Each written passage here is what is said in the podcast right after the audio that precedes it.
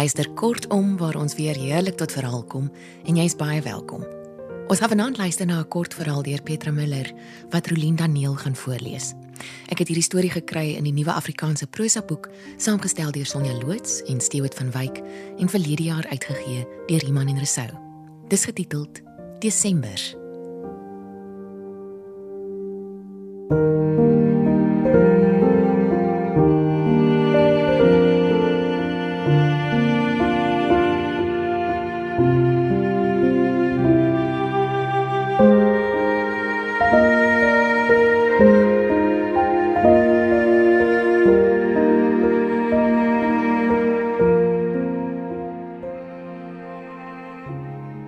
plek se naam is Kleinmond.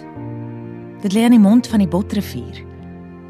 Vroeger tyd moes die rivier seker twee mondinge gehad het. Maar wat van die groot monding geword het, weet niemand nie. Dit is seker sommer weggevee. Soos dinge weggevee word deur die bewegings van die tyd. Die riviere wat versit en deur seestorms wat duine opstoot teen die land of deur onsigbare bewegings van die aardkors self groot en stadig soos die gebare van reuse of gode. Ek vertel maar net 'n storie. Daar was 'n dogtertjie. Ver van die see in 'n dorp tussen die graanlande het hierdie kind saam met haar ouers en broers gewoon. Daar het hulle gewerk en skool gegaan en omdat die plaas se lewe was, nie eintlik na ander plekke gegaan nie. Maar eenmal 'n jaar in die somervakansie is hul motor tot aan sy nok vol gelaai En daarmee het die gesin dan Kleinmond toe gegaan. Hoewel dit nie so klink nie, is alles in Kleinmond groot. Die rivier uit die binneland maak oop in 'n groot wye loop wat opdam in 'n strandmeer voordat dit deur die Noumond uitstroom see toe. Hierdie see kom aangedonder en slaan met reuse branders terug op die wye wit strand. Getye suig driftig heen en weer en met spring kook die skuimende water op oor die voorste vlakduine tot in die meer. Al wat klein is, is die vissersbootjies wat soos motte op die water van die visryke strandmeer dobber. Soms tot laat in die nag. Ek vergeet. Die loopie is ook klein. Daar is 'n waterloopie wat tussen pikswart veengrond afkom. Op die groen hang langs die waterloopie maak die gesin al groot bruin amitente staan. Die een tent is vir die ouers. Daarin is ook die kookgeriewe. In die ander tent slaap sy en haar broers. Vanjaar vir die eerste keer word daar vir haar met 'n kombers 'n hoek in die tent afgeskort. Daar's nie eintlik bome in die oopte langs die waterloopie nie. In die somermaande kom daar gereeld groot storms oostewind verby.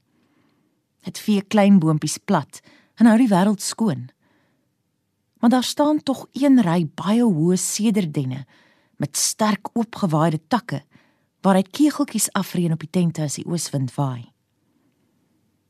As die gesin op Kleinmond is, kan die groter kinders maak wat hulle wil.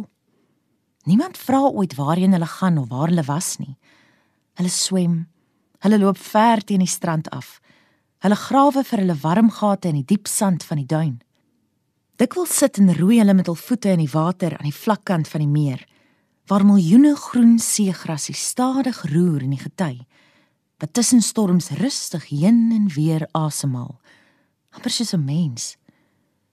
Daar is ook miljoene deurskynende visse. Dieper in hou skole groter vis. Oor die voorpunt van die stroming by die mond loop daar 'n lang houtbrug, gedra deur klipstutte wat deels op die sand staan en deels in die water. Die eerste dag of wat hardloop die kinders gedurig heen en weer oor die houtbrug om te hoor hoe dit doef. As hulle eers hulle maats gevind het, hardloop hulle in troppe oor die houtbrug dat die planke trill soos 'n tamboer. Maar die dogtertjie is 'n alleenloper en 'n wegdwaler. As ander kinders met haar wil gesels, dop sy haar oë vir hulle om. Sy wil haar eie pad loop. Sy staan soggens baie vroeg op. Ongemerk glip sy uit haar nagklere en haar dagklere. Nog voordat sy 'n stomme woord met iemand gepraat het, nog met die smaak van die nag in haar mond, gaan sy afstrand toe. Die ongereptheid lok haar. Voor die son opkom is dit bleek en stil op die sand. Alles is skoon. Sy loop op die spoor van die nag se hoogwater om bepaalde bessies en skulpies te soek en keer op haar eie spore terug. Dan, teen een van die klipstutte van die brug, onsigbaar van bo, begin sy 'n kasteel maak. Sy maak elke jaar so 'n kasteel en elke jaar is dit anders. Sy weet, soos met alle kastele, nie hoe dit sal lyk nie. Dit groei onder haar hande na gelang van die klamte van die sand of die weer van die dag. Eintlik weet sy niks van kastele nie, en sy maak dit sonder om te dink. Bastionne en stutmure ontstaan. Kunstig uitgeholde poorte wat na binnepleine lei. Kelders, krummelende torings en ook gragte. Sy werk net so lank as wat dit vir haar lekker is. En dan staan sy op. Sy trek met 'n stok 'n besliste lyn om haar kasteel. Sy doen dit elke jaar en gaan terug tente toe. Later in die dag kom sy terug en staan afgetrokke tussen die mense wat die kasteel bewonder. Daardie kind wat die kastele maak is weer hier, sê hulle. Sy sien hoe dat die sandjies begin wegval waar die son die buitemure tref. Ook die wind sal vandag verder in die kasteel werk. Of dalk nie. Die volgende oggend baie vroeg kom sy terug. Sy werk vlak by die water waar 'n riffelwindjie waai.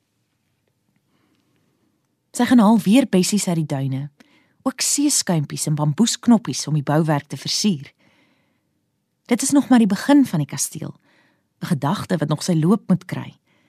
Vandag voeg sy 'n enorme ronde toring met skietgate by as ook loopgange rondom. Dit wil 'n plek word. Sy bou in gedagte verder. Haar kasteel begin sy kronkelgange kry. In die loop van die vakansie sal dit uitbrei tot 'n burgstad, gedurig uitvertak in nuwe vindinge. Die ou inwoners weet wie dit is wat so bou. Haar is vroegoggend vissers wat doef doef bo haar kop verbykom en haar sien. Hulle groet haar nie. Dit is mense wat met hulle eie dinge besig is. Die naweekbesoekers weet nie. Hulle staan verwonderd voor die groeiende kasteelstad. Kleiner kinders wil naderkom om aan die bouwerke te raak, maar op 'n manier weet selfs hulle. Hulle moenie oor die streep loop nie. Los die kasteel uit. Maan die groot mense. Loop bou julle eie. En snaaks die kinders staan daar verwonderd met hulle monde effens oopgeval en raak nooit aan die mooi ding nie. Soms val daar 'n lang, dun skadu oor haar waar sy werk. Eers kom haar voetstappe oor die houtbrug aan en word stil. Dan 'n lang skadu, nog meer verleng deur twee visstokke wat met donker spriete oor haar sandstad lê. Sy kyk nie op nie. Tog wel eenmaal met die wegstap Sy sien die smal rug van 'n visserseun. Op 'n oggend lê daar voor hul tent 'n parelrige blou-wit vis. Nog nie heeltemal dood nie, 'n galjoen. Die geskenk is onverwags. Dit moet seker maar een van hul visvriende wees. Hulle braai dit oor kole en smak dit op. Maar die dogter het maagpyn en sy eet nie saam nie. Sy werk teen die tyd. Binnekort is dit spring. Die water stoot en sug, die kasteel moet betyds klaarkom. Sy lê binnepleine uit met ligpink skulpies en loop ver om rooi flaminkvere vir vaandels teen die meerkant op te tel. Teen die tyd. En toe gewaar sy dat daar iewers fout is by haar sandkasteel. Iemand bou saam. Iemand het sonder om die lyn te breek versigtig daaroor getree aan haar bastionne verbeter. En toe die spoor doodgevee wat binne die lyn moes agterbly. Met haar gesig teen die grond kan sy die netjiese gelykveegsels van die handpalm sien. Dit is klein dingetjies. Parlemoengruis in die watergrag om water na te boots. Hout vierkantjies vir deurposte. By die groot poort staan takkies van 'n besembos geplant, soos deurwagte. Daar is nie besembos by hierdie strand nie. Besembos groei ver op aan die bokant van die strandmeer waar die water nie meer sout is nie naby die vissersdorp. Die volgende dag is daar met plat houtskuifies valbrûe gemaak tussen die torings en die watergang na buite. En die bastionne is met klam sand aangevul en verstewig. Die dogter hou dop. Maar daar is niemand wat in die loop van die dag naby haar kasteel kom nie. Sy bou nie verder nie.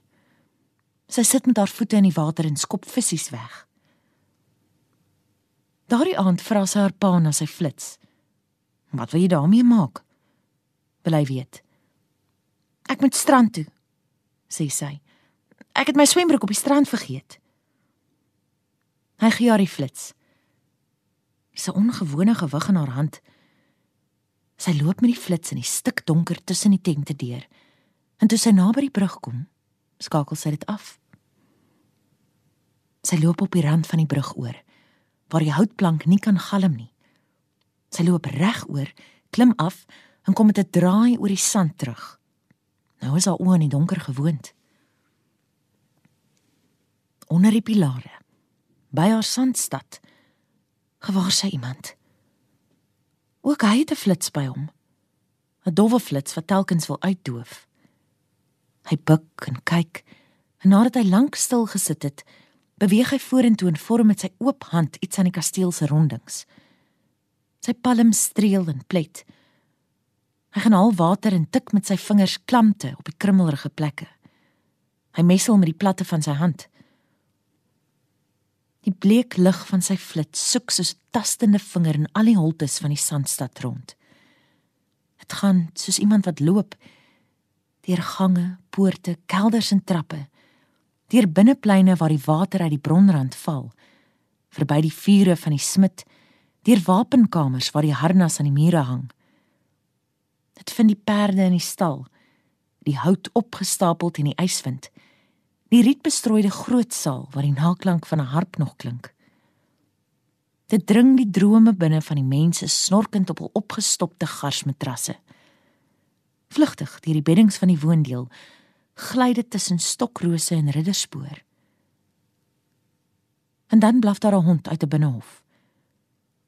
Die seun sug, knip die lig dood en trap uit die sandstreep terug. Met die platte van sy hand vee hy sy voet en kniemerk dood. Hy vat die visstokke en sonder om die lig weer aan te skakel, loop hy teen die meerkant weg. Sy erken die smal rug in die weggebuigde paadjiepad. Toe staan sy op en stap reguit op haar sandstad af. Sy trap dit met haar voete plat totdat daar niks van oorbly nie behalwe die omgedolwe sand. Sy doen dit deeglik en dit neem haar nogal lank. Toe gaan sy terug tente toe, agter die lig van die flits aan. Die volgende oggend was daar niks van die kasteel meer sigbaar nie. Dit was buitendien ook spring. Enkele flaminkveertjies het op die gevaarlik groeiende water gedobber. Geweldige skadu's het oor die strandmeer getrek so skole rog. In die tentdorp het die mense al penne en toue verstel. Enkele kegels het reeds uit die hoë sederbome afgesif.